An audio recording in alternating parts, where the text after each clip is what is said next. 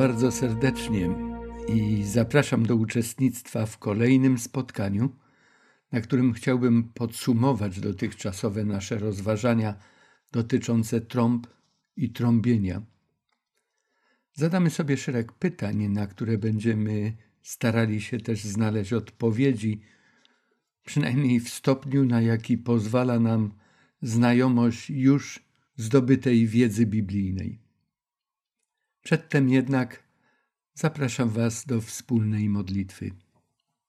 Dziękujemy Ci, niebiański Ojcze, że do tej pory zawsze byłeś z nami i błogosławisz nas i prowadzisz, że Duch Twój Święty, gdy napotykamy na trudne momenty w Twoim Słowie, jest nam bliski. Na pewno nie rozumiemy jeszcze wszystkiego ale za to, co pozwoliłeś nam się nauczyć, zrozumieć i stosować w naszym codziennym życiu. Dziękujemy Ci bardzo. Zapraszamy, abyś i dzisiaj nas prowadził i prosimy o to w imieniu Pana Jezusa, naszego Zbawiciela, naszego pośrednika i przyjaciela. Amen. Spotkaniu dzisiejszemu nadałem tytuł Charakterystyka siedmiu trąb Apokalipsy. Dzisiaj chcemy mówić o naturze i znaczeniu wizji siedmiu trąb. O co w tym wszystkim chodzi? Co oznaczają sceny, jakie opisuje Jan w tej części objawienia? W procesie zastanawiania się nad cechami charakterystycznymi tej wizji, powtórzymy też niektóre z myśli, jakie już rozważaliśmy w poprzednich spotkaniach. Chcemy jednak do nich powrócić, aby je usystematyzować i utrwalić. Pierwsze pytanie, z którym na samym początku powinniśmy się zmierzyć, wymaga powrotu do tematu, który już rozważaliśmy, mianowicie do pieczęci. I brzmi, czy pieczęci obrazują, czy pieczęcie obrazują wydarzenia odnoszące się do ludzi sprawiedliwych, czy też nieprawych? Oczywiście kwestia ta interesuje nas z punktu widzenia nauczania Nowego Testamentu.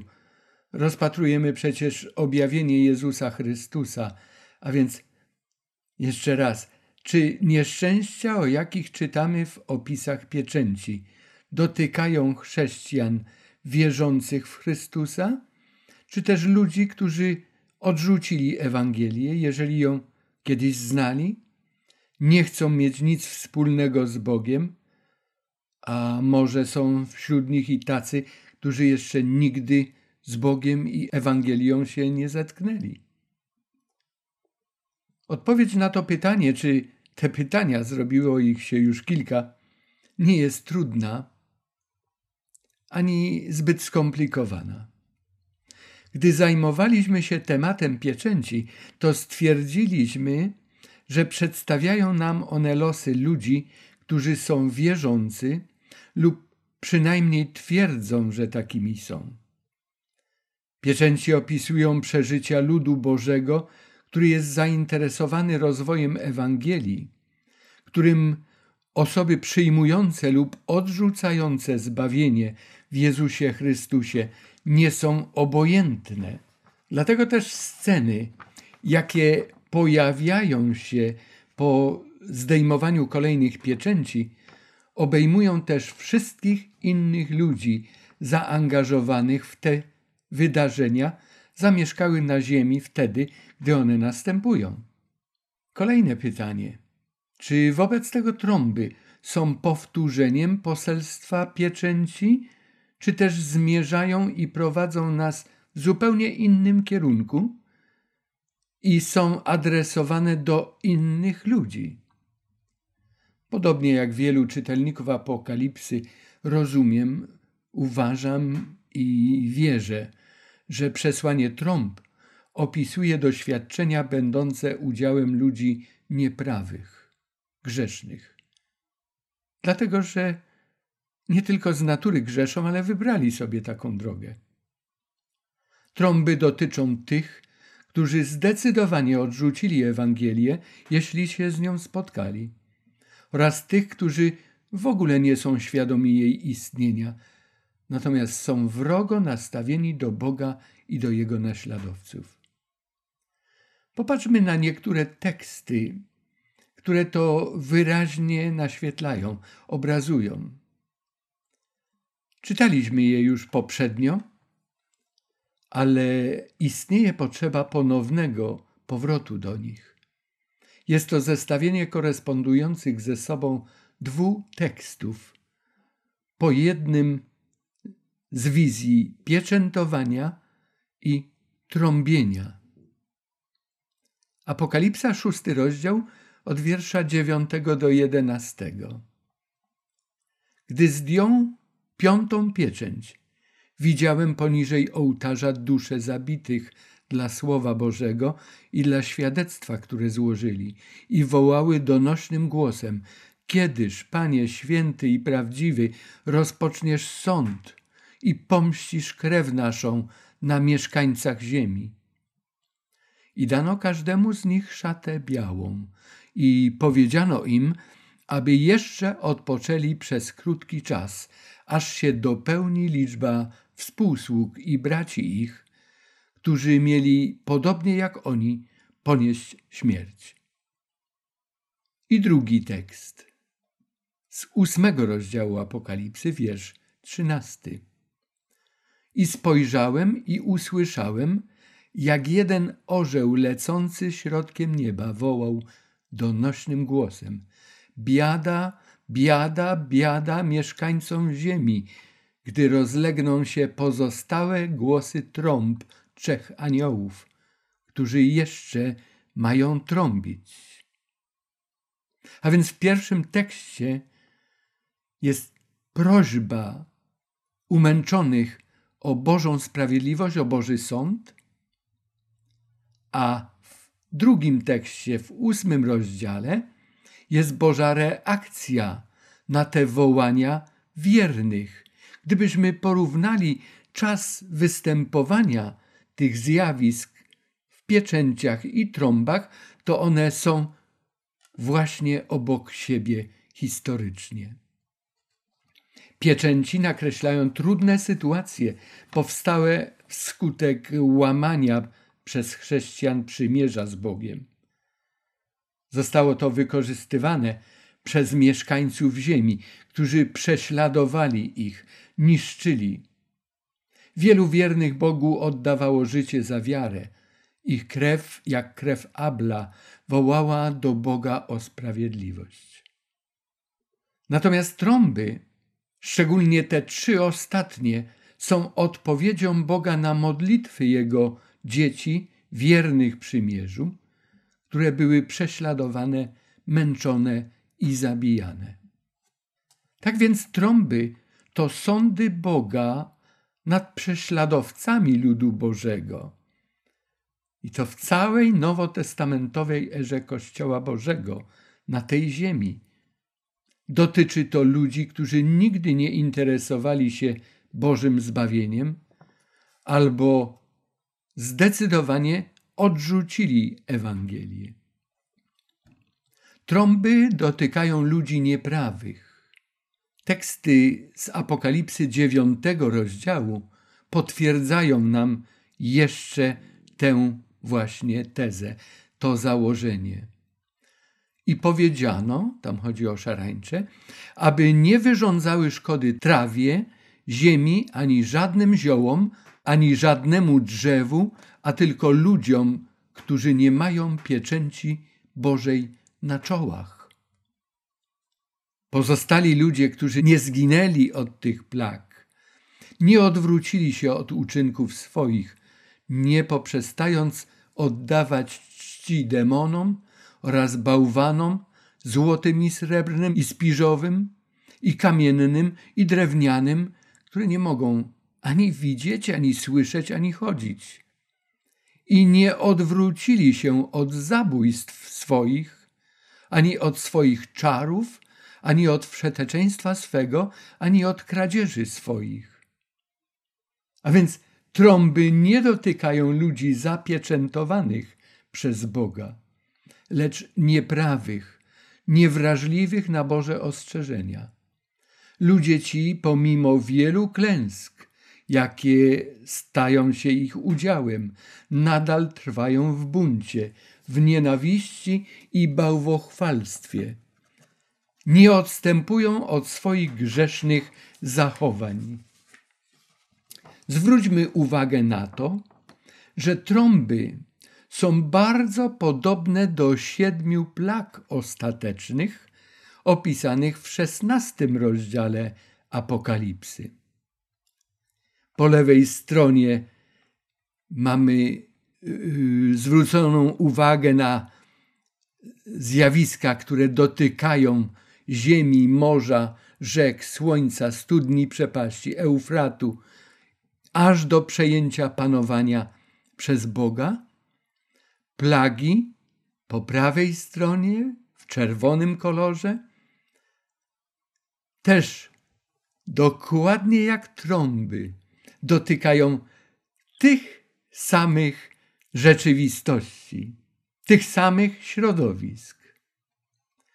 Wiemy, że plagi są sądami bożymi nad niepokutującymi, którzy ostatecznie już wybrali sobie grzech i bunt przeciwko Bogu i trwać będą do końca w opozycji wobec wszystkiego, co ma z Bogiem i Jego ludem związek. Ludzie ci wyraźnie opowiedzieli się po stronie szatana. I to podobieństwo trąb i plag jest dodatkowym potwierdzeniem, że nieszczęścia spadające na świat podczas trąbienia dotykają ludzi nieprawych. Jednak odbywa się to w czasie, kiedy Ewangelia jest nadal głoszona. I co więcej, wielu ludzi jest świadomych spośród tych ludzi, którzy są dotknięci nieszczęściami, są świadomi nadziei chrześcijan. Pamiętamy ten tekst z szóstego rozdziału, wiersze 15 do 17? To ci ludzie mówią, przyszedł ów wielki dzień gniewu baranka Boga i kto się może ostać. Oni wiedzieli o tym, oni to słyszeli, ale odrzucali tę prawdę. Z uwagi na fakt, że istnieje czas łaski, korzystając z tego, ci cierpiący w czasie trąbienia ludzie mogą jeszcze przyjść do Boga. Mogą przyjść, bo jeszcze nie jest za późno. Zwróćmy uwagę na pewne spostrzeżenia. Mianowicie trąby dotykają jednej trzeciej danego środowiska, które cierpi wskutek tych wydarzeń, na które są skierowane, któremu szkodzą. Pierwsze cztery trąby, każda dotyka jednej trzeciej środowiska, któremu szkodzi. Ciekawy jest ten fakt, że szatan, gdy zdecydował się na bunt w niebie, to pozyskał dla siebie również jedną trzecią aniołów. Czyżby w czasie trąb na tej ziemi miał jedną trzecią różnych środowisk? Chodzi głównie o ludzi, indywidualne osoby, instytucje, organizacje, może całe nawet narody, które jemu służą? Królestwo szatana składa się też z trzech części, jak dowiadujemy się z szesnastego rozdziału Księgi Objawienia, gdzie opisane są plagi. Trąby dotykają poszczególnych części oponentów Boga i jego ludu. Wydarzenia opisane w wizji trąbienia następują kolejno po sobie w erze chrześcijańskiej i w czasie z góry dla nich naznaczonym. Wydarzenia z wizji na temat trąbienia następują kolejno po sobie. Bóg, dotykając ludzi nieprawych, w ten precyzyjny i przez siebie kontrolowany sposób niszczy siedliska zła, przygotowując grunt pod ostateczny upadek królestwa diabła. Czy pamiętacie jeszcze, jaka część znajdowała się pod wpływem działania poszczególnych koni i ich jeźdźców, ukazywanych w czasie zdejmowania pieczęci z zapieczętowanego zwoju z tej książeczki, którą baranek Jezus Chrystus odebrał z ręki siedzącego na tronie? Pierwsze cztery pieczęcie to cztery jeźdźcy na czterech koniach.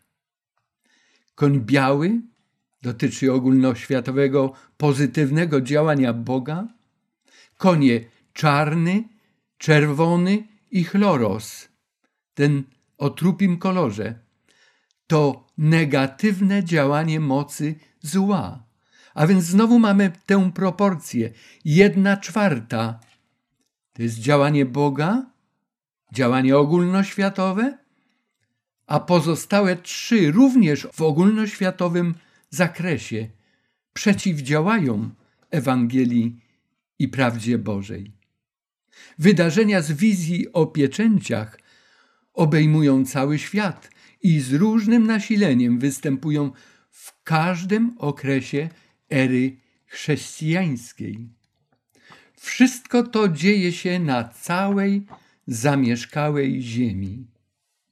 Dlatego też wydarzenia przedstawione przy zdejmowaniu pieczęci ze zwoju dotykają wszystkich ludzi, tak wierzących, jak i oponentów wobec Boga i Jego Ewangelii.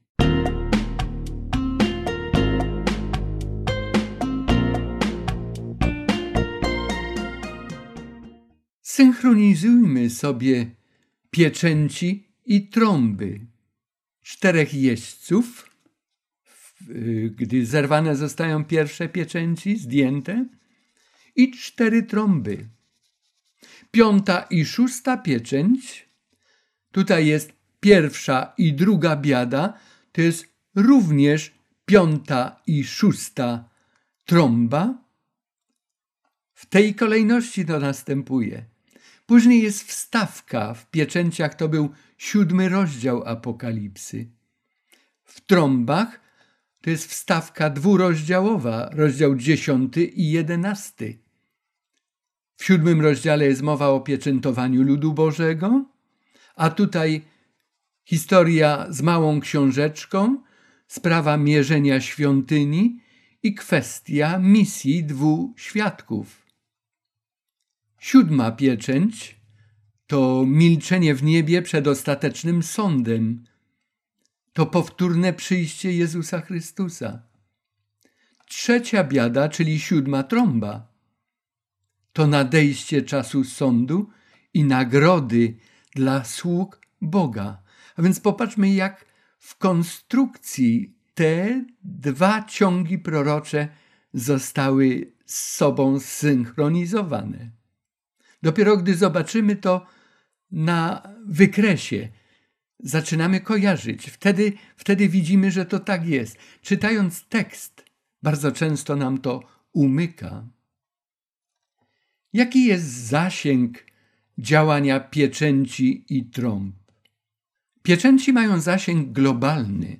Dotyczą głównie losów ludu przymierza, zarówno poszczególnych osób, jak też i grup nawet tych łamiących złożone ślubowanie oraz tych, którzy pozostają wierni Bogu, a nawet dotyczą pozostałych ludzi spoza przymierza.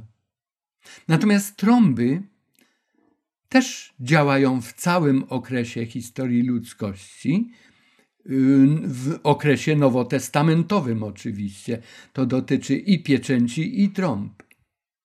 Trąby i trąbienie oznaczają interwencję Boga w sprawach tej ziemi.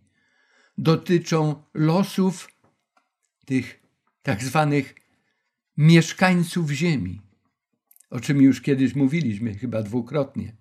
To są ludzie, którzy gardzą Bogiem, gardzą Jego przymierzem. Ludzie ci cierpią, ale nie chcą się opamiętać. Aczkolwiek z wielu z nich tak. Ale o tym za chwilę. Taka typowa postawa tych ludzi to przekonany, ale niepokonany. Można też dostrzec jeszcze więcej spraw dotyczących pieczęci i trąb, gdy przypomnimy sobie tło wydarzeń związanych z pieczęciami. Tło to stanowią fakty wynikające z zawarcia i funkcjonowania przymierza jeszcze z Izraelem starotestamentowym, ale przecież jako z ludem Bożym, jako z ludźmi, którymi Bóg się opiekował, którym chciał błogosławić. Przypomnijmy sobie, czytając Stary Testament, napotykamy na wiele różnych przymierzy, jakie Bóg zawierał na przykład z Noem, Abrahamem, z innymi patriarchami, z domami, czasem z całymi narodami, nieraz z narodami pogańskimi nawet. Jednak przymierze, o którym mówimy w połączeniu z Apokalipsą, było szczególne. Na jego temat znajdujemy sporo wypowiedzi w pięcioksiągu, a także u proroków takich jak Izajasz, Jeremiasz, Ezechiel i u innych też. O błogosławieństwach trwania w tym przymierzu, a także skutkach jego łamania możemy przeczytać także w biblijnych księgach historycznych, dydaktycznych i w psalmach.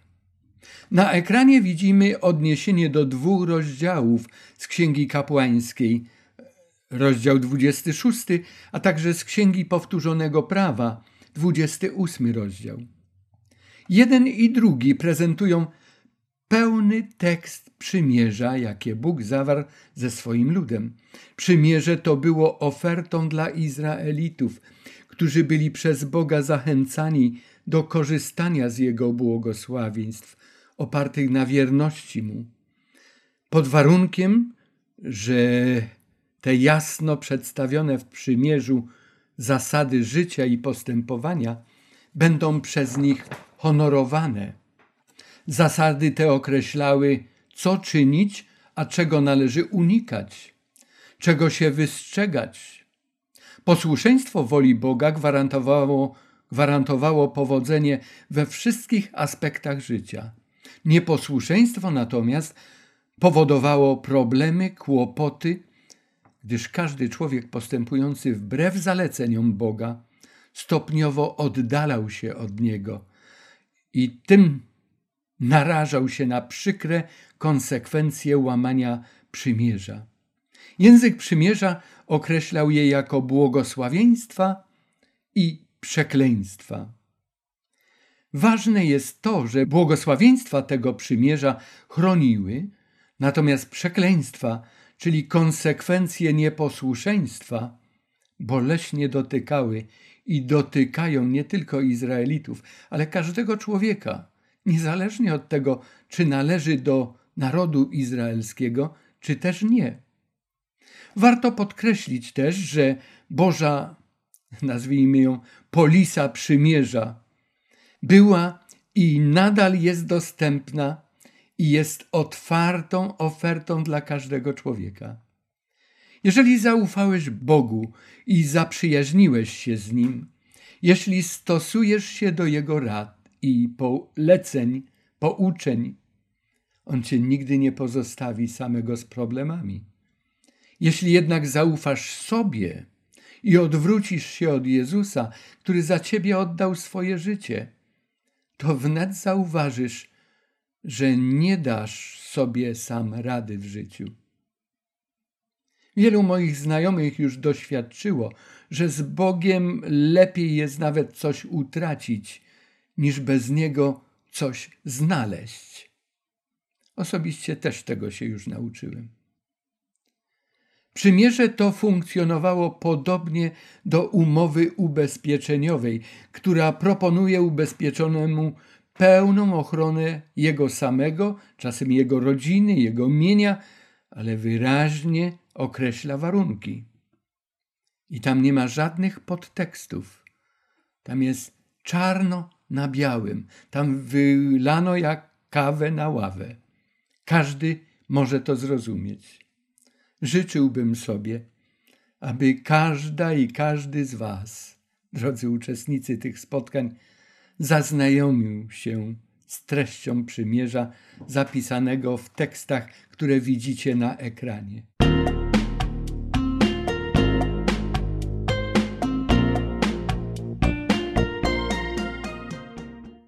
Posłuchajcie wspaniałej rady ze Słowa Bożego. Są to słowa mędrca Bożego. Pojednaj się z nim raczej, zawrzyj pokój, bo tylko w ten sposób znów posiądziesz dobro. Przyjmuj pouczenie z jego ust, weź jego słowa do serca. Podźwigniesz się znów, gdy do wszechmocnego wrócisz, gdy z namiotu swojego nieprawość usuniesz, gdy złotem jak pyłem ziemi wzgardzisz, a ofir przyrównasz do rzecznego piasku. Złotem niech będzie dla ciebie wszechmocny, a srebrem lśniącym najjaśniej. Wtedy zaczniesz się cieszyć wszechmocnym, wznosić twoje oblicze ku Bogu, a On cię wysłucha, gdy będziesz doń wołał i będziesz mógł wypełnić twoje śluby. Urzeczywistnisz wszystkie twe zamiary, a światłość opromieni ci drogę. Kto w mowie wyniosły, tego on poniża Wspomaga zaś tych, co spuszczają oczy. Jaki to piękny, jaka to piękna poezja i ile obietnic zawartych tej mądrej mowie zostało. Jaka jest funkcja, jaki jest cel trąb?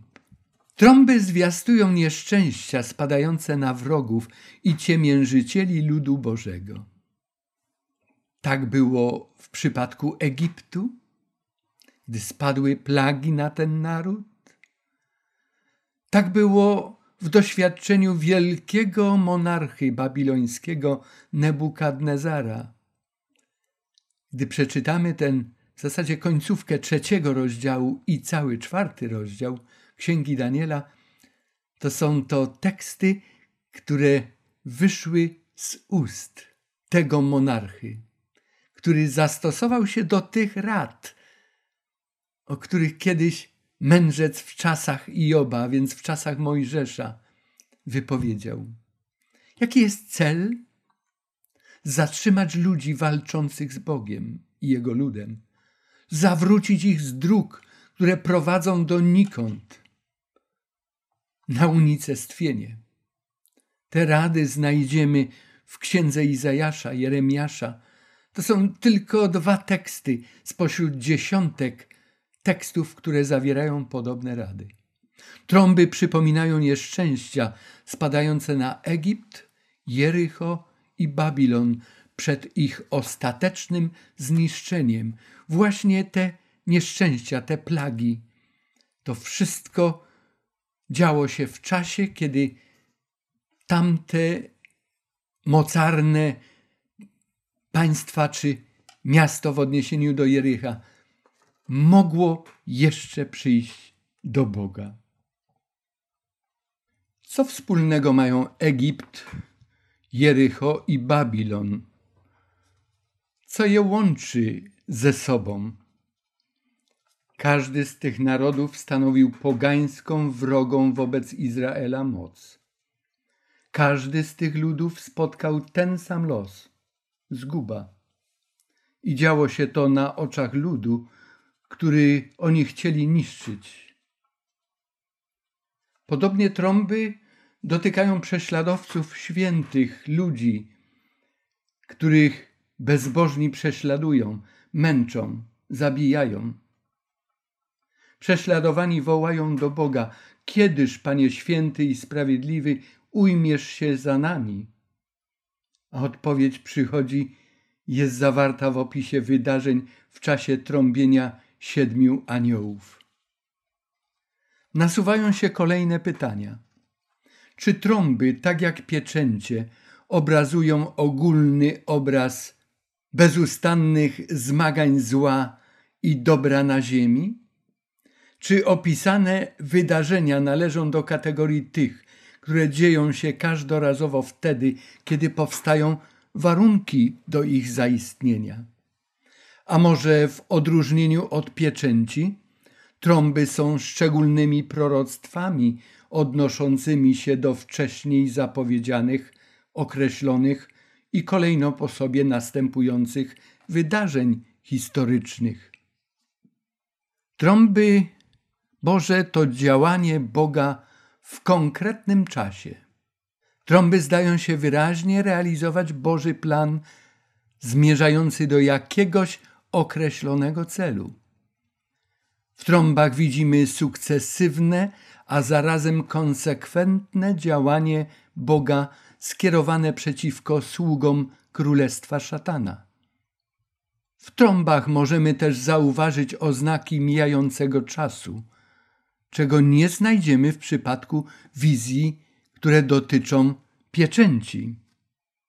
W przypadku trąb, szczególnie trzech ostatnich, narracja niesie w sobie ładunek wielkiego spokoju, przy równocześnie silnej determinacji dokończenia sprawiedliwych sądów Boga. Śledząc kolejność występowania trąb, a szczególnie tych trzech ostatnich nazwanych biadami, możemy wyraźnie wyczuć ten upływający czas w atmosferze spokoju i tej determinacji ukierunkowanych na działanie i na dokończenie tego działania.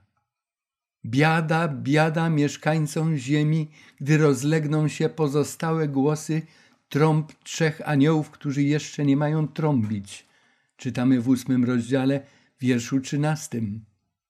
Dziewiąty rozdział nas informuje. Jedno biada minęło, oto jeszcze nadchodzą po tamtym dwa następne biada. Po tym drugim biada, czyli po szóstej trąbie, jest mowa, drugie biada minęło, oto szybko nadchodzi trzecie biada. W opisie trąb, czy działań, które występują podczas trąbienia aniołów, zauważamy interesujące okresy czasu. One wszystkie wiążą się z wydarzeniami, jakie następują w trakcie trąbienia. Okres pięciu miesięcy, 42 miesiące, 1260 dni, 3,5 dnia. Każdym z tych okresów zajmiemy się bardziej szczegółowo, gdy w tekście już je znajdziemy, bo to są myśli wyrwane z tekstu, ale one mają swój kontekst i dopiero kontekst nam podpowie, jakie jest ich znaczenie i dlaczego w tamtych miejscach, gdzie zostały umiejscowione, możemy je znaleźć.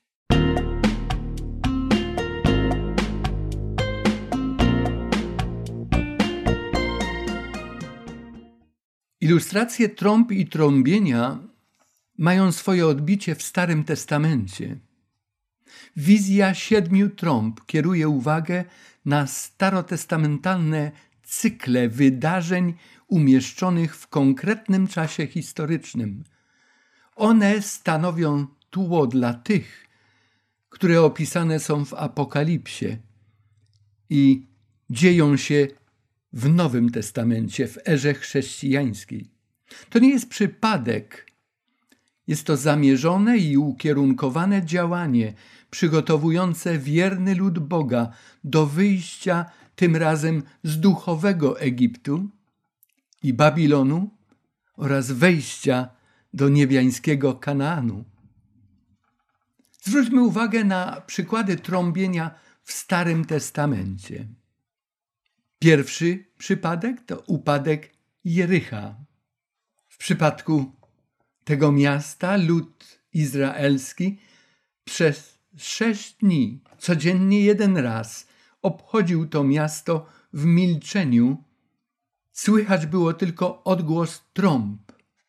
Tak było w ciągu sześciu dni.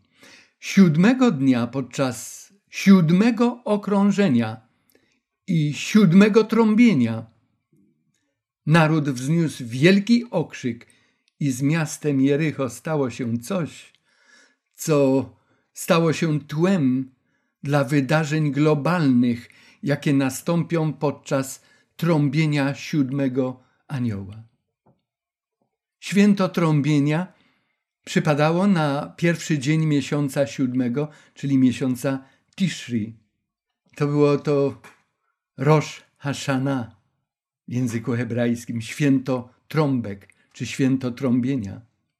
Kalendarz liturgiczny w Izraelu zamykał się w cyklu siedmiu miesięcy księżycowych, po 28, względnie 29 dni każdy, od Nisana do Tishri.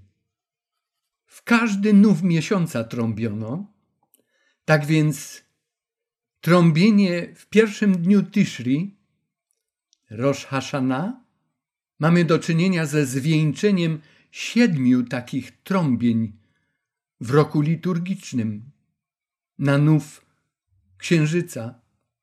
Siódme trąbienie w tamtym przypadku doprowadzało do zamknięcia cyklu siedmiu trąbień, a zarazem do zakończenia starego i rozpoczęcia nowego roku.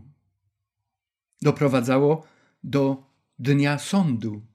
Wskazywało ten dzień, to był dzień dziesiąty w miesiącu Tishri. Jeżeli chodzi o rok jubileuszowy, przypadał po siedmiu, siedmioletnich cyklach rocznych w narodzie izraelskim. Cykla uprawy i odpoczynku gleby oznaczał wyzwolenie niewolników, przywrócenie zaprzedanej ziemi, połączenie rozdzielonych rodzin, anulowania wszystkich zaciągniętych długów. A więc ten rok jubileuszowy był zwieńczeniem siedmiu siedmioletnich okresów. I po tym zwieńczeniu dodatkowy rok, czyli pięćdziesiąty, to był ten rok jubileuszowy. Boże działanie nierozpoznawalne jest dla przeciętnego historyka albo dla tego, kto pobieżnie czyta tekst Pisma Świętego.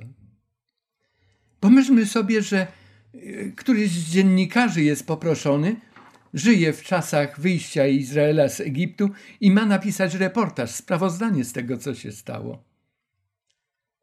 No, a więc co napisze? Naród był bardzo uciskany, był bardzo gnębiony, znaleźli się przywódcy tego narodu, poderwali go do buntu. Egipt wtedy przechodził przez całe pasmo różnych nieszczęść, które dotykały ten kraj. I z tego korzystając, niewolnicy uciekają. A później znowu zbieg okoliczności. Wiatr jakiś zrywa się tak, że pozwala im bezpiecznie przejść przez odnogę Morza Czerwonego na drugą stronę.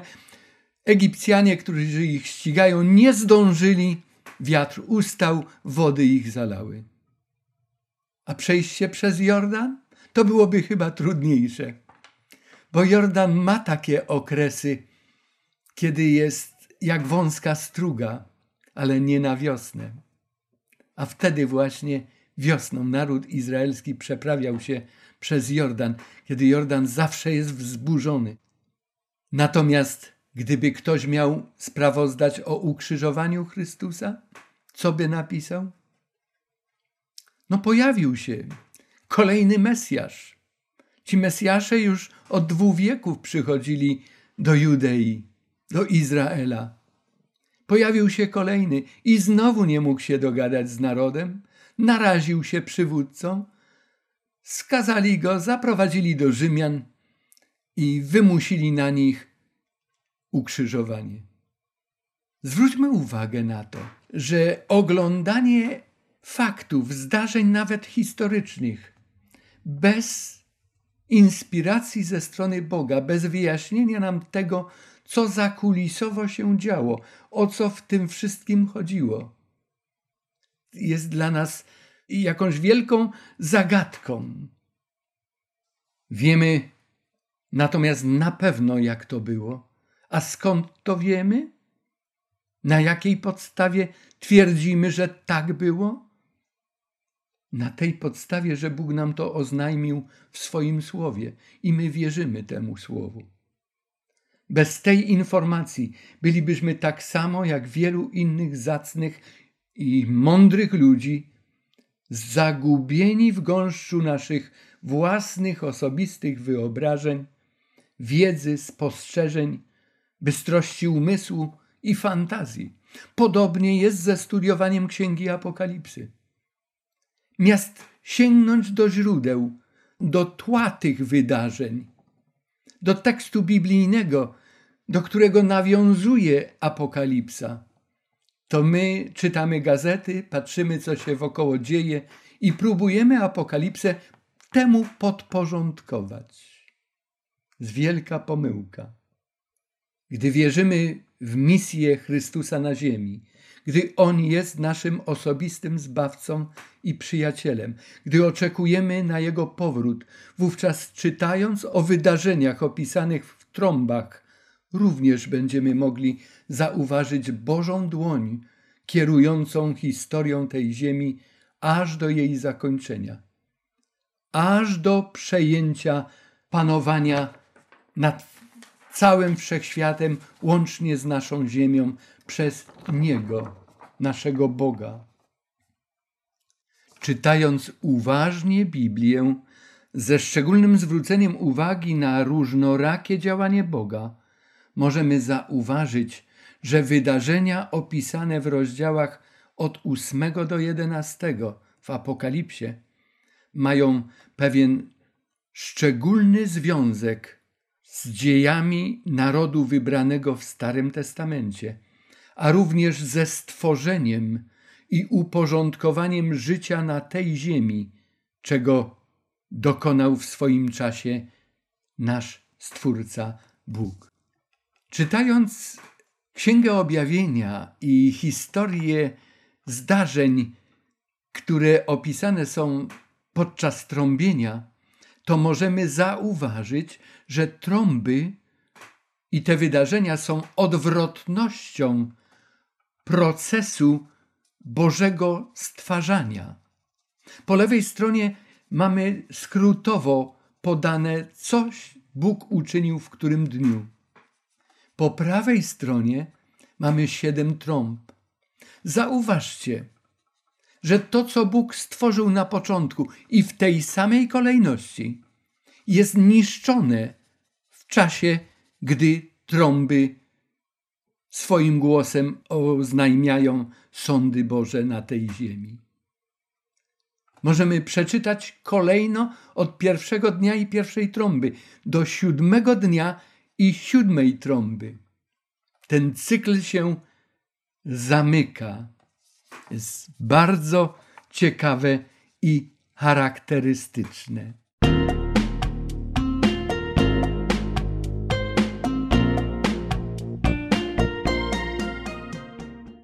Możemy odnieść wrażenie, że wydarzenia w czasie trąb to rozmontowywanie czegoś, co jest już stare, zniszczone i przygotowywane do stworzenia czegoś nowego. Zresztą takie pojęcie istnieje w narodzie żydowskim. Hebrajskie rozumienie polegało na tym, że zanim nastanie coś nowego, w tym nowe stworzenie, to to stare i złe musi najpierw być zniszczone, rozpaść się. A więc podczas trąbienia obserwujemy taki proces dezintegracji porządku i ładu Bożego z uwagi na szatana i jego zwolenników. To, co Bóg uczynił, to będzie niszczone.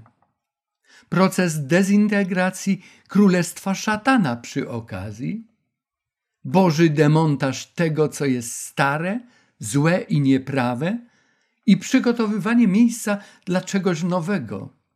Co więcej, to kończy się wprowadzeniem istot żyjących w realia, przygotowywane dla nich i dla ich harmonijnego współdziałania z Bogiem w wieczności. Podobieństwo siedmiu trąb do siedmiu plag. Mieliśmy już takie podobieństwo wcześniej, tu mamy bardziej rozbudowane. Pierwsza trąba i pierwsza plaga dotykają ziemi. Morza dotyka druga trąba i druga plaga.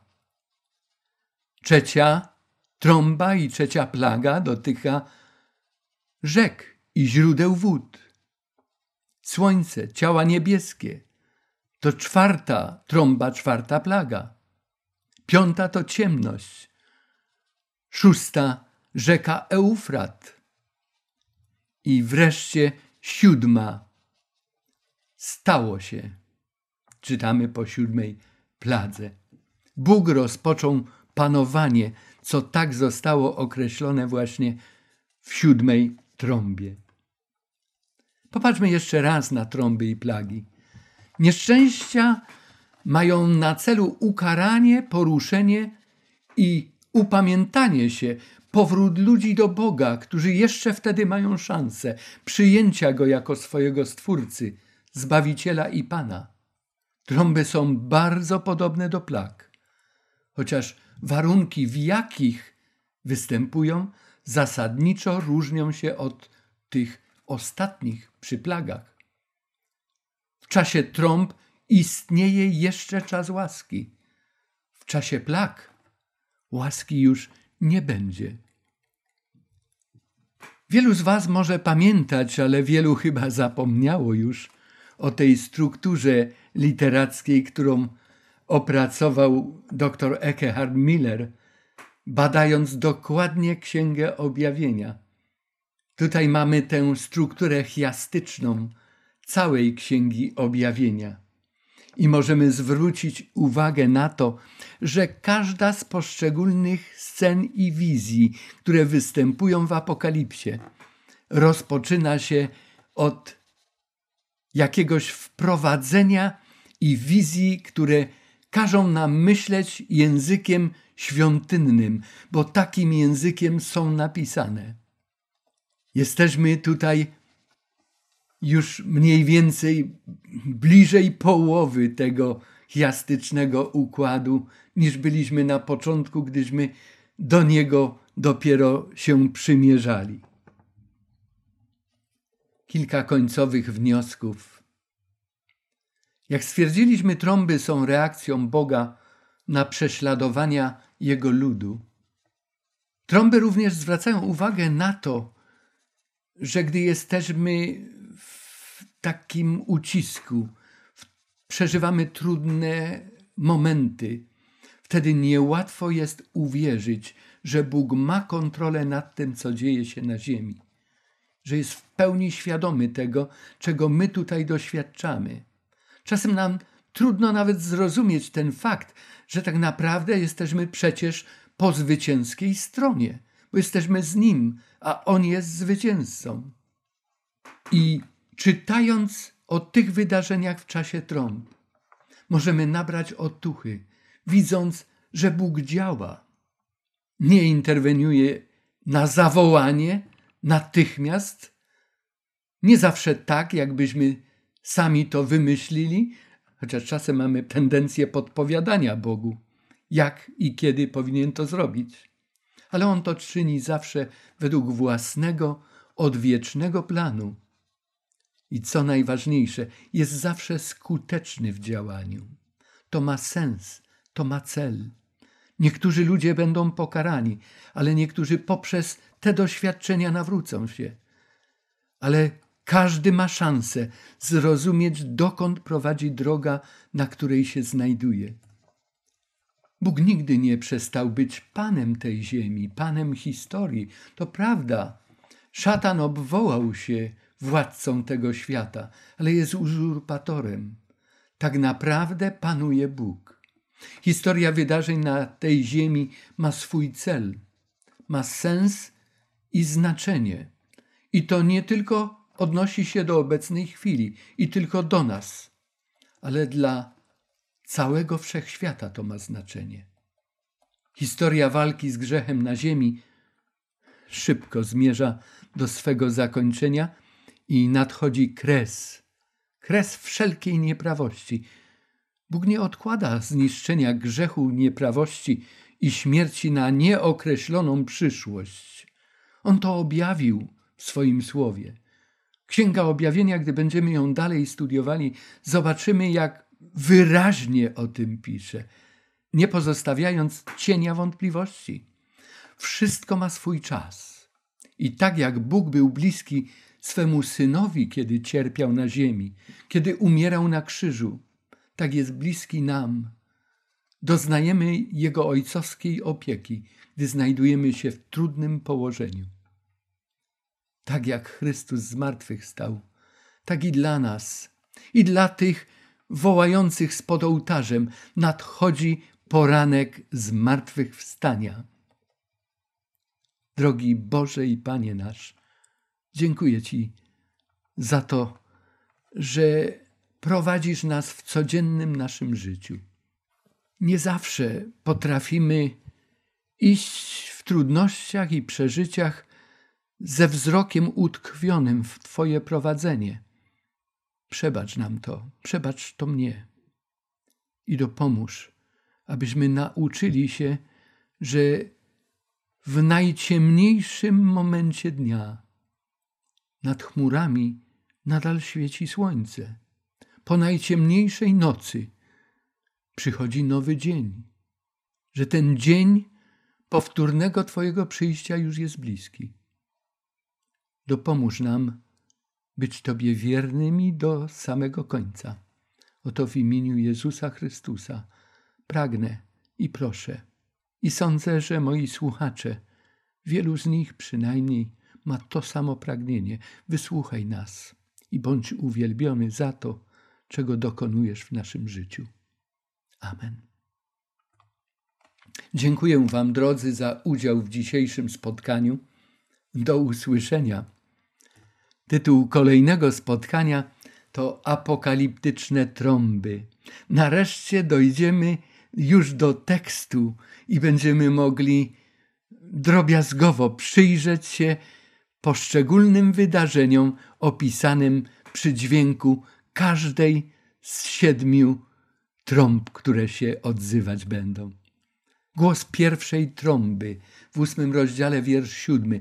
I zatrąbił pierwszy anioł.